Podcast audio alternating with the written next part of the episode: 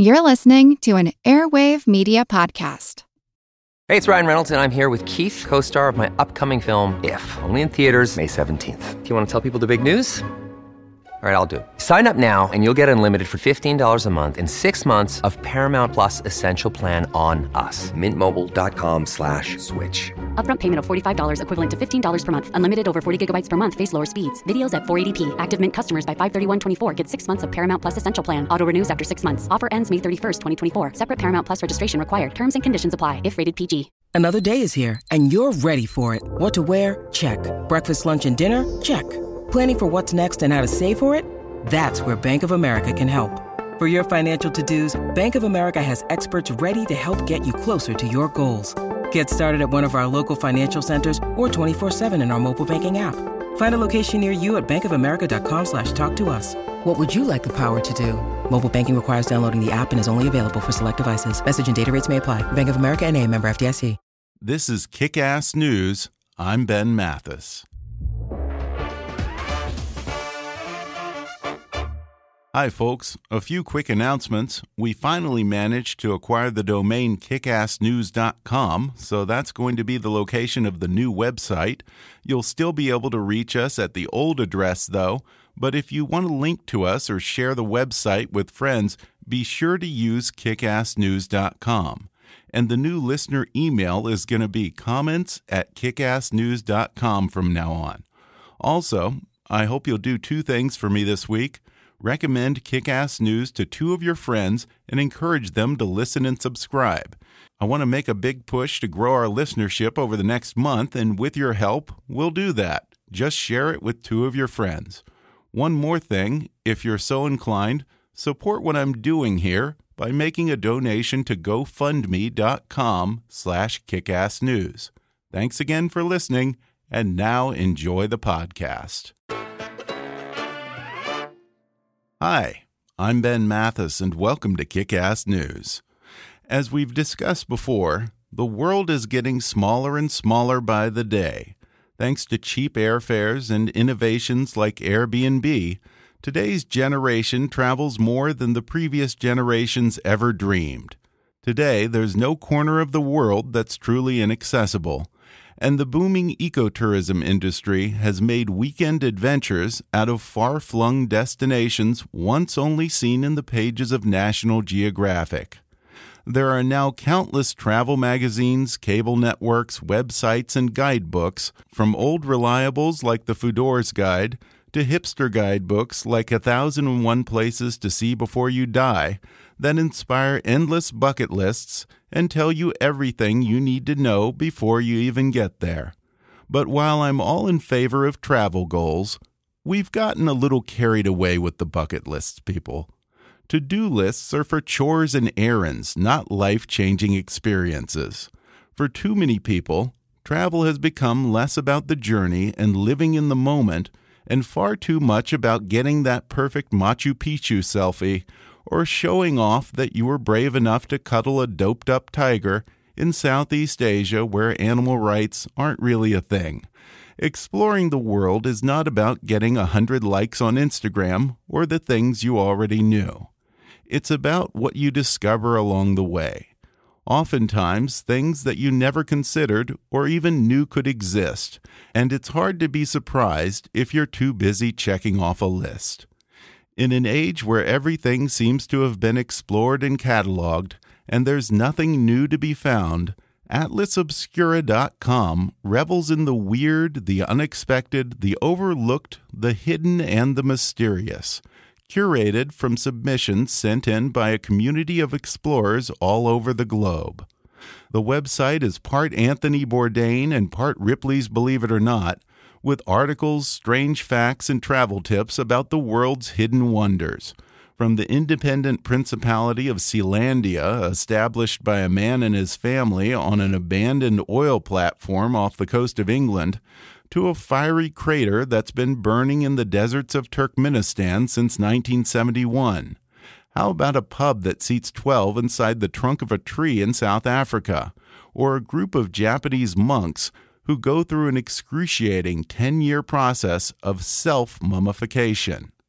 There's the man who spent the past 25 years hand carving a labyrinth of ornate cathedral like caves in the sandstone hills of New Mexico, and a Hindu temple in India inhabited by 20,000 rats, where it's considered good luck if one of the vermin nibbles on your toes. Atlas Obscura even has many tours and monthly field trips exploring the funkiest secret attractions in major cities like New York, Los Angeles, and Chicago. It's all the brainchild of two friends, Joshua Foer and Dylan Thuras, who founded the website in 2009 to share their wanderlust for the world's weirdest. What began with a cult following has grown into a worldwide phenomenon, and some would even say a movement. Now, in their latest project, Dylan and Joshua, along with their associate editor, Ella Morton, have put together a new book containing 700 of the strangest and most curious places on Earth. It's called Atlas Obscura An Explorer's Guide to the World's Hidden Wonders.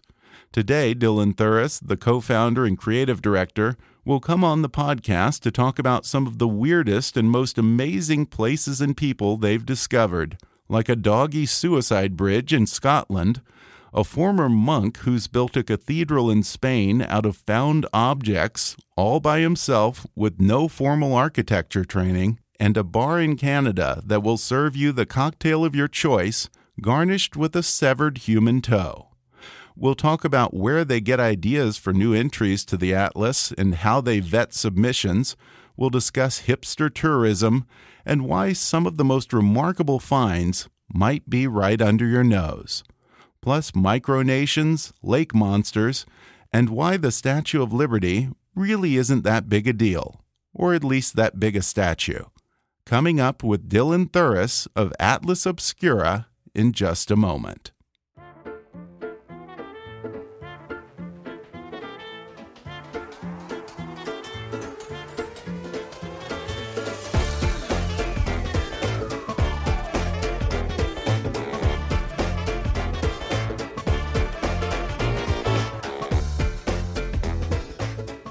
Dylan Thuras is the co founder and creative director at atlasobscura.com.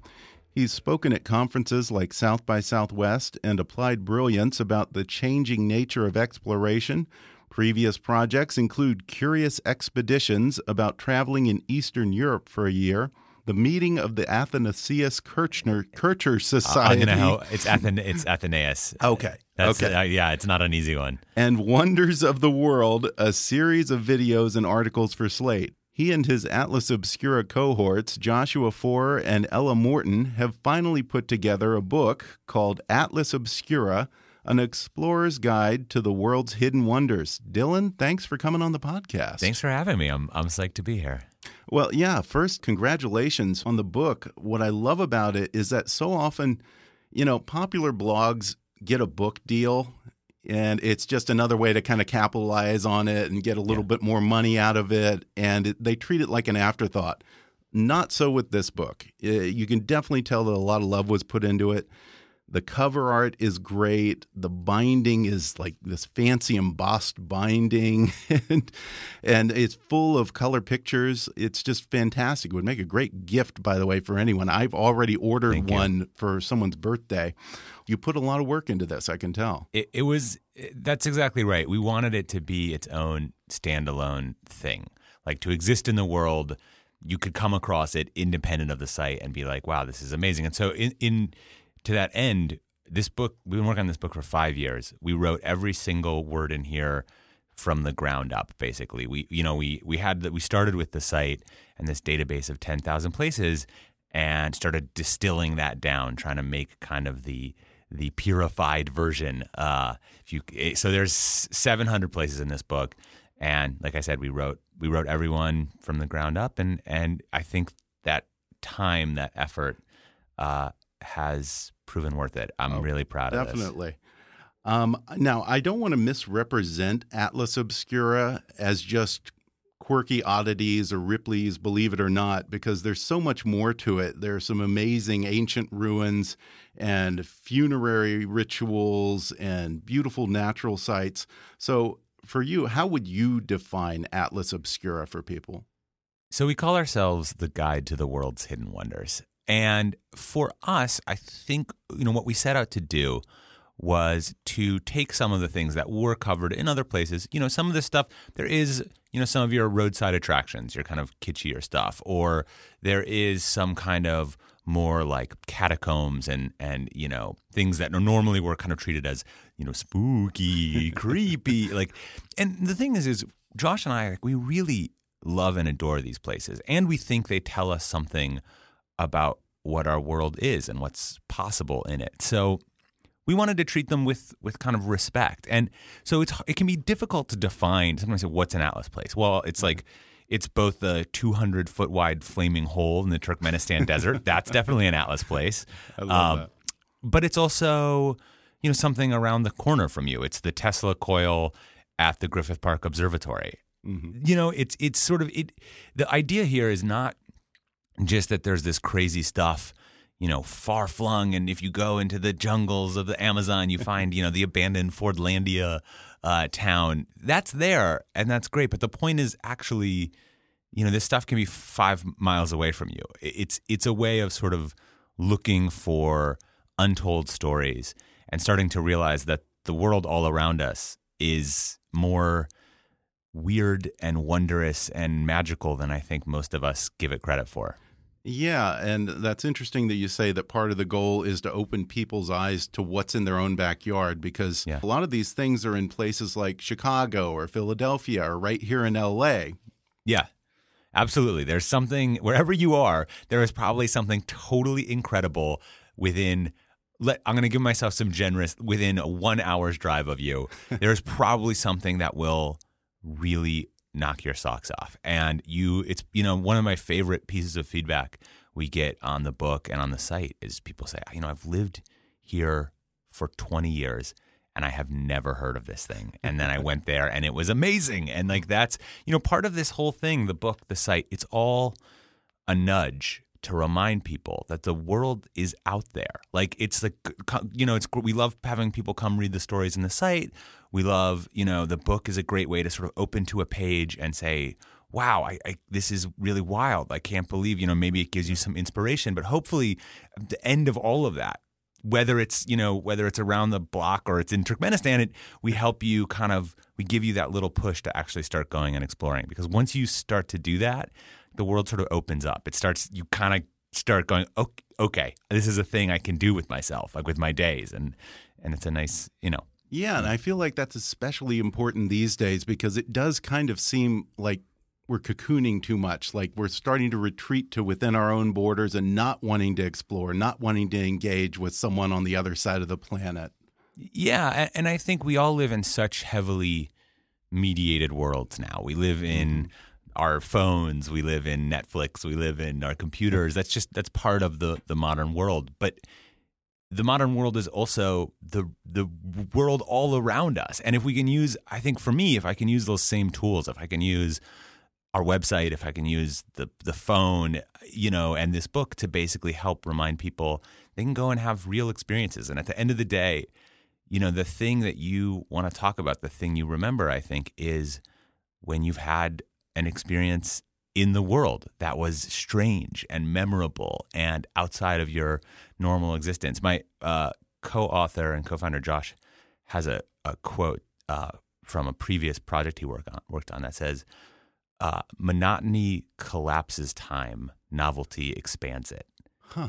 And I, I think love that. that. that's part of what we're trying to capture. Once you start treating your world, even your neighborhood, as a novel place, and mm. starting to dig into whether it's its history or these little things, suddenly the geography, you know, a neighborhood that you walked through and didn't see, it comes alive, and and you're suddenly living in this much deeper, richer place. And I think that's sort of what we want to do because it's Yeah. you know, travel happens in two dimensions. It's it's both going to a place, you know, it's it's both sort of the physical act of traveling, whether that's short or long, and then it happens in the dimension of of depth and context and understanding, right? Because it's all too often people go on these trips they sort of do the things they think they're supposed to do, but they don't check have- off the list. they don't Which is why I hate the term bucket list. By the I way, I kind of do too. I, I, I have to, you know, people say, is this bucket list stuff? And I sort of go, yeah, yeah, if you're like a weirdo like us, it is. But I agree. It's, it's not about, it's not about checking stuff off. It's about trying to give yourself a rich experience in place, time, and history. Yeah, so many people treat travel as just trying to fill their Instagram wall. Yeah. You know, just uh, click a picture and they don't live in the moment and actually enjoy the experience. I love that this does encourage people to embrace curiosity and uh, kind of have a, a, a sense of childlike wonder again. I'm the kind of guy who it's like walking somewhere, I never pass up a historical marker. Always read the plaque. Always read the plaque because you never know what kind of history there was. Yeah. You know, I just down the street from here, I'll be walking around, all like, oh, this little alley used to be Chinatown a hundred years ago. Yeah. yeah. uh, Now I want to give people some more examples of kind of the stuff that Atlas Obscura covers. Just so uh, they have some kind of a reference point. You mentioned, of course, the door to hell in Turkmenistan. What is that? So that that maybe if if there was a mascot for Atlas Obscura, it might it might be that. I remember when I first found out about this, and I I could not believe that I had never heard of it. That it wasn't like so. In 1971, a Soviet uh, drilling uh, team went out to Turkmenistan to find natural gas, and they found it. There's a bunch there under the desert, so they set up their rig. And then there was an accident. And as their rig punched through the like crust of the desert, it created this massive hole. This like sudden sinkhole opened up. The whole rig fell in, and there was suddenly this 200 foot hole in the desert that was now leaking deadly natural gas. so you know it's 1971 soviet petroleum geologists uh, they did what i think they probably thought was like the reasonable thing they uh, lit the hole on fire presumably they thought it would burn for a few weeks if- That uh, sound, yeah, uh, that sounds like typical Soviet central engineering. Totally. Yeah. It's Okay. and in a way it's an elegant solution to the problem. However, 45 years later it is still on fire. So there is this giant burning hole in the desert of Turkmenistan. There's like nothing around for 5 hours. And at night, you drive up to this thing, and it almost looks like a, a, a memorial light. You know, it's like this beam of light shooting out. And supposedly, and I really want like an entomologist to come and fact check this, uh, but the lore, the, the word on the street is that the local spiders are attracted by the light and heat and fling themselves into the gates of hell or door to hell, which kind of is like just a one little It- extra. yeah, I love that. It's, it's the Spider Suicide Bridge. yeah, exactly. Yeah. And that that reminds me, isn't there? I think in Scotland, there's something called the the Suicide Bridge for dogs. Yeah, where dogs just fling themselves off into a gorge or something. The Overtoun Bridge. It, not only do dogs fling themselves off of this, I mean, don't take your dog here. Okay, quite Yeah. literally, do not do it because people have taken their dog here. Their dog has leaped, been okay, and then gone and done it again. The the the reason behind it's like a little unclear. They think uh, maybe There are a lot of cats at the nesting minks or something. Oh, okay. something about that plus like the visual geography of it. Confuse anyway. These do- like multiple multiple dogs, dozens of dogs have have just will run and do a flying leap off of this bridge, and and they don't. You know, some many make it, but some don't. So it's like don't. It's a very strange place. Yeah, and you know, kind of along the hell line here, there's also, I guess, I'm not sure where this was, but somewhere there are several Buddhist hell themed theme parks. throughout Southeast Asia, actually, there, there's a lot more than you would think. There's a number of them, uh, and people don't realize that there's sort of a there's a Buddhist version of hell. It doesn't quite fit Yeah, with what you're knew that.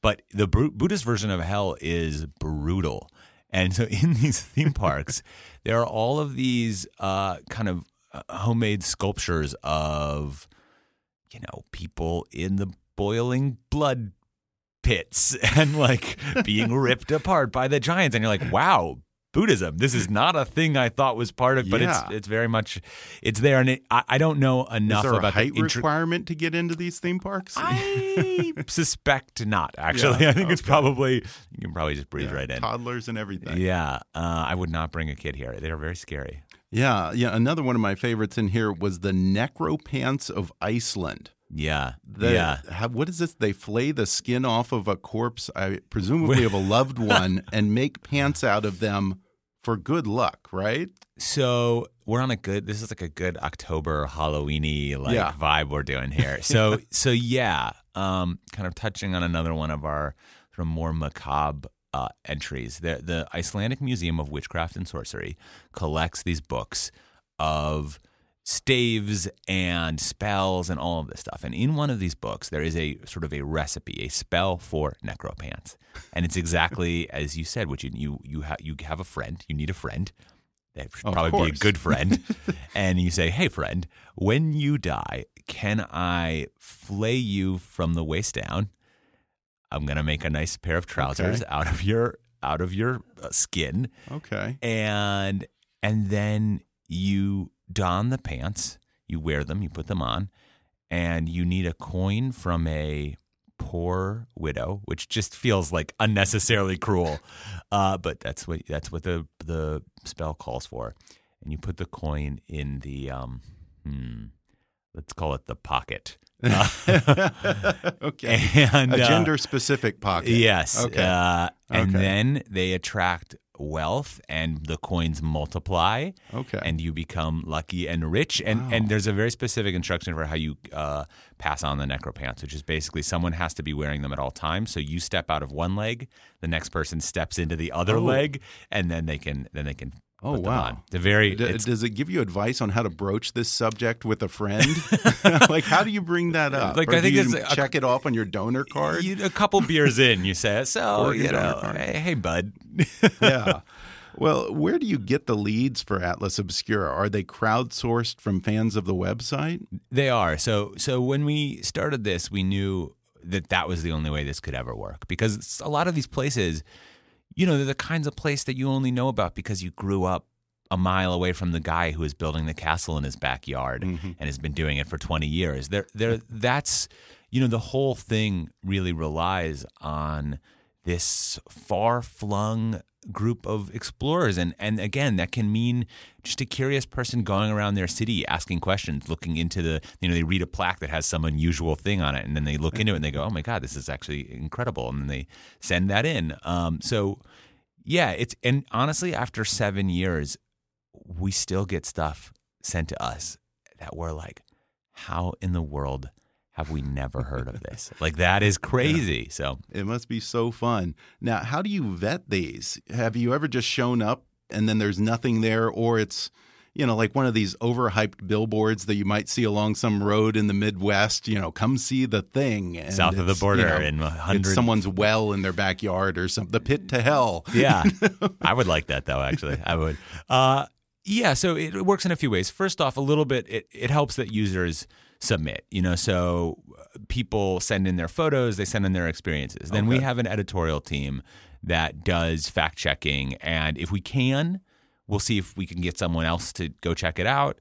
Uh, otherwise, we call people, we read multiple sources. We just try and make sure that whatever the user has said sort of adds up, checks out. Uh, and and then you know if we get something wrong, which occasionally we do, someone can make a correction. They can come to the site and edit a place and be like, "Hey, I went here and actually, you know, what you need to do is like go down the alley and around the back. Like Oh, you okay. you So have it's like the, Wikipedia edits. it, it has that aspect, Okay. and so we have to it, it- think of it as like a slightly more highly curated Wikipedia, Yeah. where like we sort of approve everything. We have to approve the edits, but we do rely on on users to help us make sure we're we're getting it right because it's mm-hmm. a big world.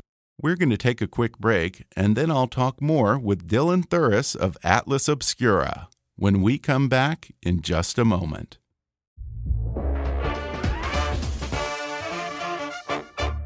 Hey, folks, do you like reading but find it's getting harder and harder to make time to curl up with a good book? Well, there's a solution. Give audiobooks a try.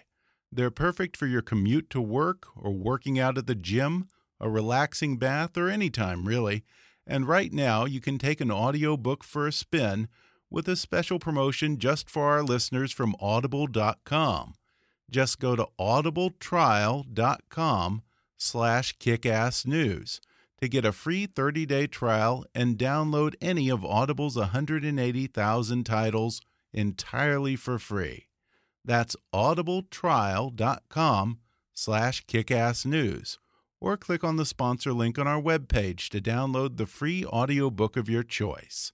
And now back to the show. When you're dealing with some of these more far-flung places and, you know, say indigenous tribes, do you ever encounter a community or individuals who want their little piece of obscura to remain obscure? They don't want the publicity? Yeah, so there we sort of, you know, we have our own version of the Hippocratic oath. Like we want to do no harm. Mm -hmm. Um and you know, and we try and be really clear like so take for example this the, the idea of sort of isolated tribes. Like some of what Atlas Obscura is for, it's not a travel guide like Lonely Planet is. Like, it's not go do all of these things. These are not actually things you're going to check off. You're not going to check all of these off your bucket list. And some of them, it's very specifically, it's interesting and helpful. Like the Sentinelese, which is one of these sort of last kind of uncontacted tribes on an island uh, off of the coast of India. You know, we don't no, people shouldn't go there. Like they should remain uh, uh un, uncontacted. It's very important for their their well being and their continued existence. Um, yeah. And but for the most part, what we find, you know, with that sort of caveat about that, a lot of these places, what we find is we were worried when we started the site, like were we gonna were we gonna ruin these places?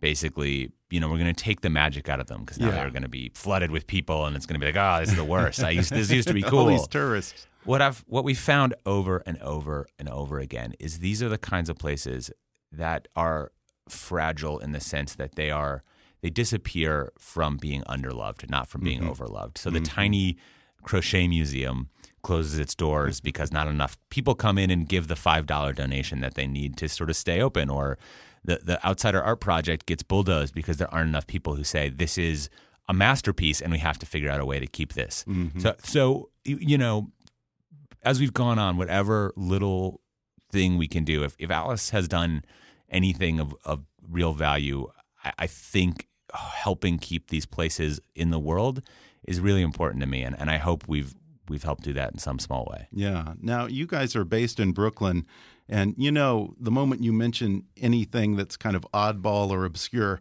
somewhere in Brooklyn, a hipster's ears are going to tingle. Where does Atlas Obscura stand on hipsterism? Mm. We've been accused of it before. Oh, we have. uh, but or someone once a long time ago in a New Yorker piece, they called us for a post Wes Anderson generation. I don't totally know what that means. Uh, you know, I, I, I, don't I don't know that that's a bad thing. Actually, I'm not sure it is either. I'm not. I'm just a little. So my my thing is like it's about engaging with the world. Like mm-hmm. you know, hipsterism, schmipsterism. Like it, it can be a lot of different stuff, right?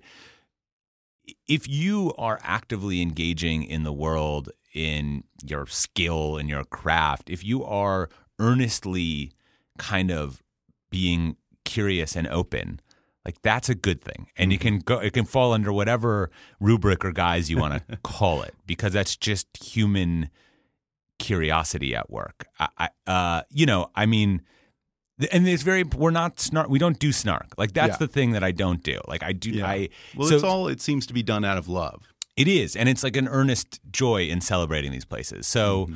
you can call it hipsterism if you want but as long as you're as long as you're not doing it ironically yeah we are not going to these places ironically we are going to these places okay. in in deep uh like in deep joy that these are yeah. part of our world well, then that brings up another point. Along those lines, do you ever encounter people who are maybe trying a little too hard to get on the site? They're like, look how weird and ironic we are. We have a mustache museum in the back of a tiki bar in Silver Lake, or, you know, something like that. Yeah. Uh, or like, sir, that is just a cracker barrel.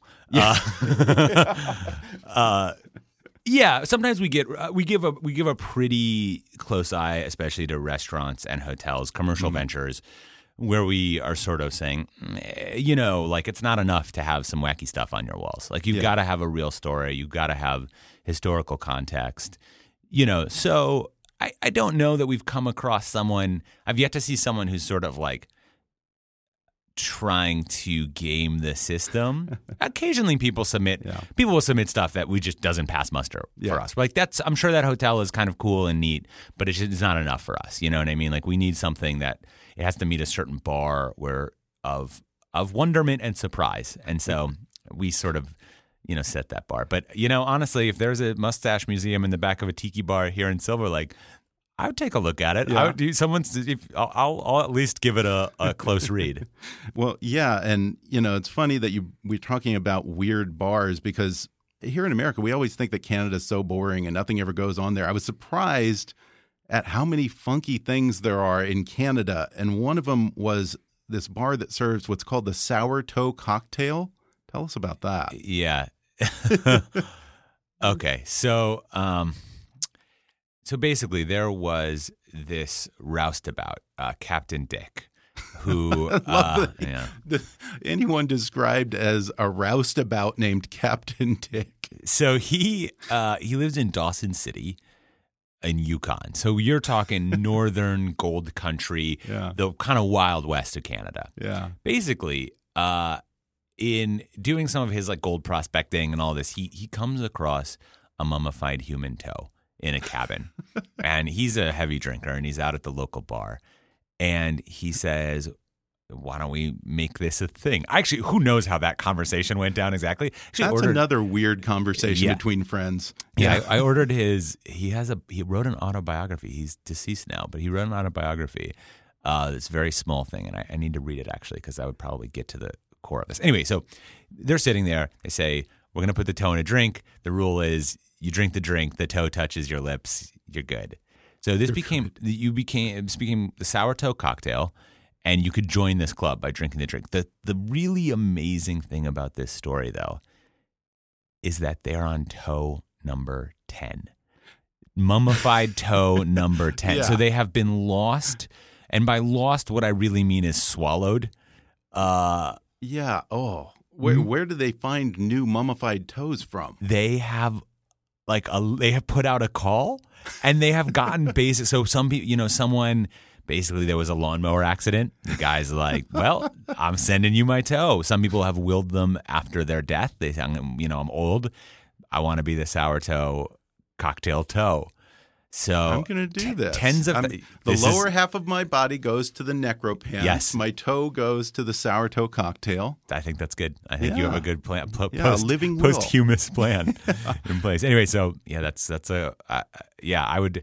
I have yet to join the Sourtoe Yeah. Cocktail Club, but I, I One would in a heartbeat if I get out there. I'll do it. Probably my favorite in here is just these stories of the individual who has this insane obsession slash passion for one thing. Yeah. One project dedicates their life to creating their masterwork. Like there's a guy who I think he was a postman who found some pretty rocks and then started collecting rocks and building a castle, or a former monk who builds a cathedral out of found objects entirely on their own with no help, no architecture background. Yeah.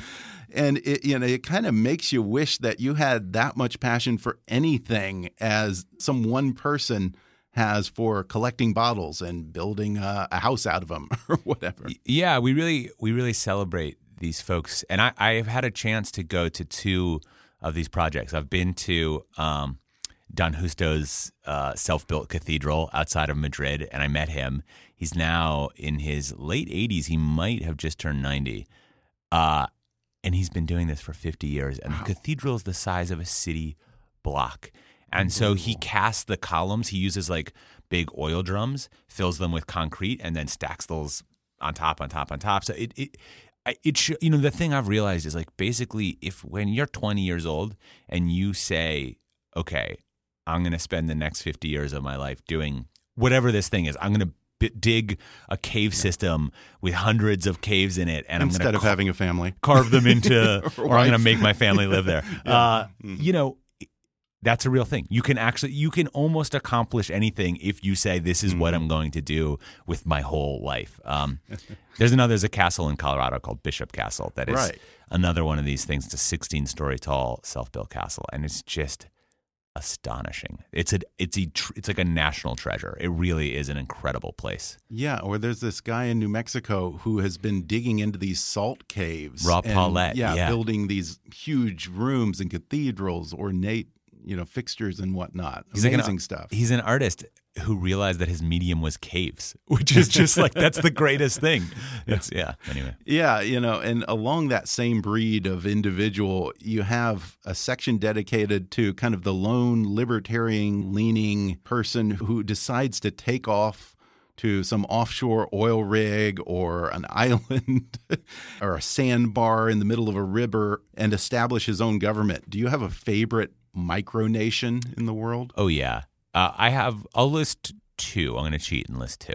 Yeah. So there's the one you mentioned, Sealandia, which is kind of your most iconic micronation because it really was kind of a micronation. That's on this basically floating oil derrick Right. platform way out off the coast of Britain. And basically, they established it as a real country. There was passports. They got attacked. There was a whole struggle, an armed struggle Yeah. for rule of this micronation. so that's a really good one. And then another one that I find just very endearing. It's maybe more on the kind of like goofy dad side of micronations. is a place called Molossia in uh, outside of Virginia City in Nevada, um, Nevada. Uh, and, uh, Yeah, they Nevadans they, will always they tell you will it's Nevada. always- yeah, Nevada. Uh, and basically, his micronation consists of his house and his backyard, but he does it up. He also, I have a passport stamp from him when I Okay. visited the micronation. He has stamps. He his whole family is involved in the bureaucracy of his micronation. He's been at war with. Uh, East Germany since the 80s uh, when he was stationed there in the army. He's been this is a lifelong project for him too. This wasn't a whim. He's been basically working on building his little self-contained country. You know, for most of his adult life, and I, I like that it's like a family affair. Like his daughter is like, she's Yeah. like 14, and she's like the head of international relations or whatever. So those are two great ones. But yeah, micronations. I think everyone somewhere inside them wants to make their own micronation. Probably. I, I do. I'm like, yeah, Yeah. one day. Where one would you pick? Oh god, well, like an island is always a good one to go with, you know. But I I do like I re, in the Louisiana, um, the Gulf uh, of Mexico, there are like something like fifty thousand abandoned oil rigs, oil derricks. Wow. Some of them are small, and some of them are really big, and I feel like those are all like waiting for you go. a constellation of an archipelago of micronations. You know, one of the big revelations I think for me as an American is that you know when you look around the world, Statue of Liberty ain't so big actually. oh God, no! It's a little. It's a. It's a tiny thing, really. Especially off the pedestal, it's like nothing. Yeah. Even with the pedestal, it, it pales in comparison. Yeah, what Yeah. do you have a favorite colossus out there? Oh well, this is a sideways answer, but but I think of it because it's bigger. It is bigger than than the Statue of Liberty. It's a sculpture of a squid fighting a whale inside a place called the House on the Rock in Wisconsin. So it's in it's Right. inside the building. And wasn't that done by a guy who was kind of it was like his big fu to Frank Lloyd Wright? That's the mythology of it. It's a great mythology. It's a great story, and it's kind of like it's it's a bummer. If you look into the nitty gritty, the facts don't really check out. Uh, it's like the dates don't line up. Like he, he was like nine when this when it, it- it's all it doesn't really. Also, that story was spun by his business partner, who was famous for winning the world's greatest liar award. So you know you it raises some doubts. But that said, it is this really strange Frank Lloyd Wright ish house, which then just kept growing and growing, and whole collections were obtained from other museums and added, and entire rooms were built. And they have these giant self playing organs and the world's largest uh, carousel with the most diverse set of carousel animals inside the building. it takes like seven hours to walk through. Uh, Neil Gaiman put it in his book American Gods as like the seat of of the gods, and he has gone on the record and said, uh, "I had to tone it down for the book because no one would believe it if I wrote it as tr- as it was." You dedicate about two pages to a map of various lake monsters across the U.S. Now, you know, for me, it always seems like lake monsters are always some variation of Nessie or Ogopogo. But the taxonomy of legendary aquatic beasts apparently is a lot more diverse than we thought. Yeah, those are my favorite because it's it's mostly the vast majority are basically Nessie knockoffs. Yeah. Uh, but I love that there are so many lakes with sort of some version of this. But then there's like I like the ones that are like non-aquatic species, like goat man or aquatic lynx is is one of like a local lake monster. Like, like the cat. yeah. Yeah, like that. There's a lynx swimming, a giant aquatic lynx swimming in this lake. I feel Don't like cats hate water that's pl- yeah. I don't know. It's plus. Well, that's why it's aquatic. That's why Oh, okay. they're important. It's important note. Uh, yeah, I like I like the more creative uh, lake Yeah. monsters. Well, before we go, I just want to ask about Atlas Obscura Day. You do a Oh, whole yeah. day full of tours all around the world, I guess. When is that? Is that next year, next spring? It's spring every year. Okay. It'll probably be in May. Let's. Okay. Uh, it's usually around Okay. April, May. We don't have a fixed date for it yet, but yeah. So we there's a whole part of Atlas Obscura that's all events. So. We have s- chapters in seven cities across the country. There's one here in. LA where we take people to tons of places. We do like 16 events a month here in LA. okay. Uh, wow. we have 16 a month. I got to it's- do that. It's we do a ton of amazing stuff, going out to all kinds of like hikes up. It's now gone, but like hikes up to Murphy's Ranch, which Mm-hmm. is like abandoned, supposed uh, like a Nazi compound Yeah, I've heard stronghold. about that the, place. the the Yeah. background of that are also a little sketchy, but but uh, so yeah, we have these events chapters here in New York, San Francisco, Chicago, a bunch. Uh, and then we have this day that happens all around the world in, you know, 50 countries, all the states, and we have hundreds of events all over. And we basically say, go and do this. Like in the in the sense where we were saying sort of we want to be this nudge. This is the day where we say, okay, today today is the day when you when you go and you actually, you know, you visit Dapper Cadaver here in LA, which supplies you know, full body horror props where it's like when you need Oh, a wow. zombie that's missing two arms, you know, they've got it and it's perfect. Or or wherever, you know, there, there's Yeah. a ton of different places. The the ruins and, in Echo Fun Park, stuff. you know. So so Yeah. that's and Yeah. now we've so much. To, I got now. I got to make my list here for right here in my backyard. we started Well- also taking people on trips. We're running a bunch of trips to Cuba, to Oh, Iceland, to fun. Bulgaria. So we're we're trying to Well, do it. Yeah, check it out, people, at atlasobscura.com. And again, the book is called Atlas Obscura An Explorer's Guide to the World's Hidden Wonders. Dylan, thanks for coming on to talk to me about it. My pleasure. This was this was fun. I have a feeling we could have done this for like uh, Oh, yeah. hours. We could go and go. Just that would be yeah. Some other time I would you. I would love to come back sometime. Oh, absolutely. Thanks. Thanks again to Dylan Thuras for coming on the podcast.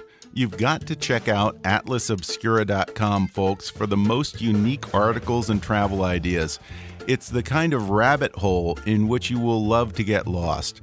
There are also 50 fun and quirky Atlas Obscura events and guided tours coming up in 24 cities, including San Francisco, LA, New York, Boston, Philly, Chicago, DC, and more.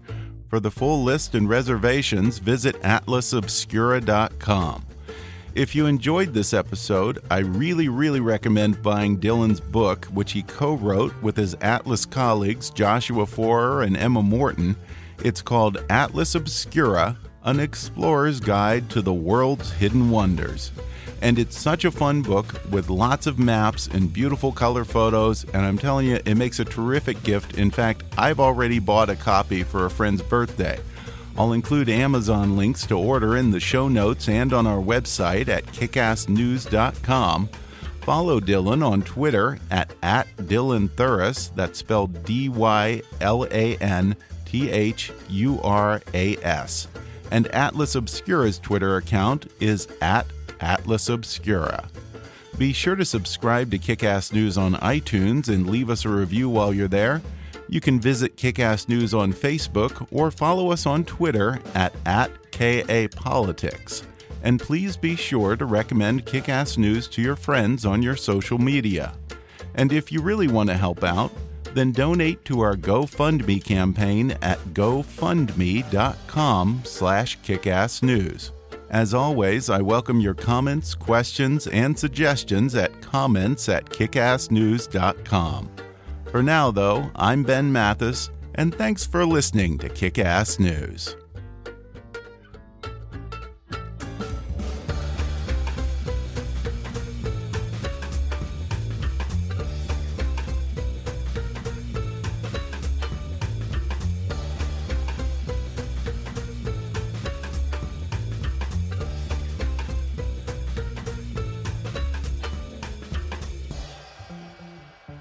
Kickass News is a trademark of Mathis Entertainment, Inc.